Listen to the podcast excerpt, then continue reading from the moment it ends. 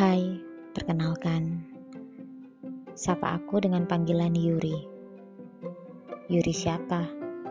Bukan siapa-siapa.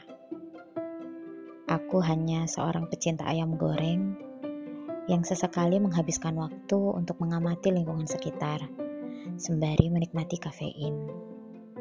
Bukan, aku bukan anak indie. Tapi aku memang suka senja. Dan ada beberapa musik indie yang sering aku dengar. tentang podcast ini agak ragu sih awalnya untuk memulai, meskipun niatnya sudah ada sejak lama. Tapi karena banyak alasan dan lain hal, baru sekarang berani buat nyoba. Balik lagi, podcast ini ada untuk memberikan suara dari tulisan-tulisanku yang bentuknya seperti puisi dan mungkin akan jadi tempat aku bercerita.